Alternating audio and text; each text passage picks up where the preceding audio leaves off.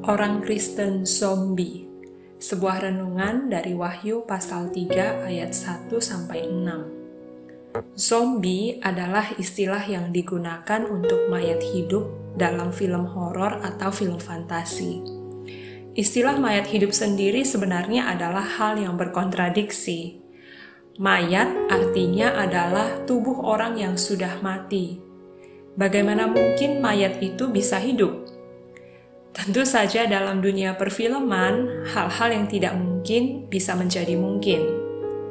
Namun menariknya, zombie itu ada di antara jemaat Sardis dalam perikop yang kita baca hari ini. Kondisi jemaat di Sardis mirip seperti zombie.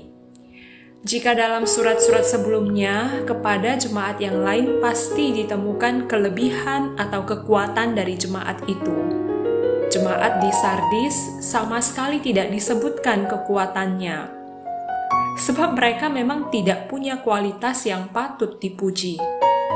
Tuhan mencela mereka dengan berkata, "Aku tahu segala pekerjaanmu. Engkau dikatakan hidup, padahal engkau mati."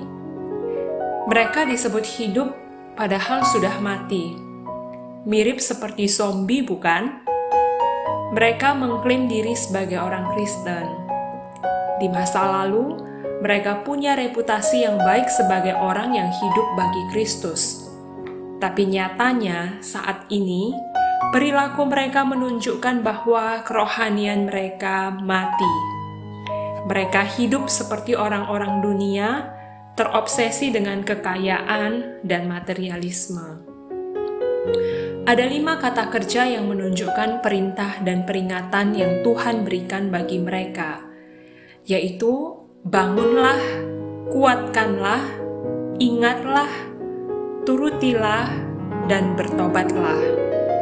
Di ayat 2-3 dikatakan demikian, Bangunlah dan kuatkanlah apa yang masih tinggal yang sudah hampir mati sebab tidak satu pun dari pekerjaanmu aku dapati sempurna di hadapan Allahku. Karena itu ingatlah bagaimana engkau telah menerima dan mendengarnya. Turutilah itu dan bertobatlah. Karena jikalau engkau tidak berjaga-jaga, aku akan datang seperti pencuri, dan engkau tidak tahu pada waktu manakah aku tiba-tiba datang kepadamu. Tuhan menyuruh mereka untuk bangun dari kondisi kerohanian mereka yang selama ini sudah tertidur, serta menguatkan mereka yang masih tinggal dan hampir mati. Kondisi mereka mungkin seperti tumbuhan yang kering yang sudah hidup segan mati tak mau. Tuhan berkata bahwa tidak satu pun dari pekerjaan mereka yang didapati sempurna Hal ini bukan berarti bahwa Allah menuntut kesempurnaan dari kita, tapi lebih tepat dikatakan bahwa pekerjaan mereka itu tidak memenuhi standar yang diinginkan oleh Tuhan. Bahasa yang digunakan adalah bahasa seperti dalam istilah hukum, di mana Allah bertindak sebagai hakim yang tahu segala sesuatu dan jemaat di Sardis ini tidak memenuhi kriteria dari Allah sebagai hakimnya. Perintah yang terkandung dalam ayat selanjutnya adalah ingatlah, turutilah, dan bertobatlah. Mereka disuruh untuk mengingat kebenaran yang dulu telah mereka terima. Namun mengingat saja tidak cukup. Mereka harus menuruti kebenaran itu dan bertobat, berbalik kepada Tuhan dan hidup bagi Dia. Bagi mereka yang menuruti perintah ini, Tuhan memberikan janji bahwa mereka akan diberikan pakaian putih dan namanya akan dituliskan dalam kitab kehidupan. Pakaian putih biasanya merupakan gambaran dari pakaian yang dikenakan oleh malaikat yang menunjukkan kemuliaan dan kekudusan. Pakaian putih juga merupakan sebuah jubah kehormatan yang diberikan kepada pasukan militer yang menang dalam sebuah pertempuran. Pakaian putih itu menunjukkan sebuah simbol kemenangan dan kemuliaan yang diberikan kepada pengikut Kristus yang tetap setia berpegang dan hidup baginya. Kitab kehidupan yang berisi nama orang percaya merupakan gambaran bahwa Allah mengetahui orang-orang milik kepunyaannya yang layak mendapatkan kehidupan kekal bersamanya kelak.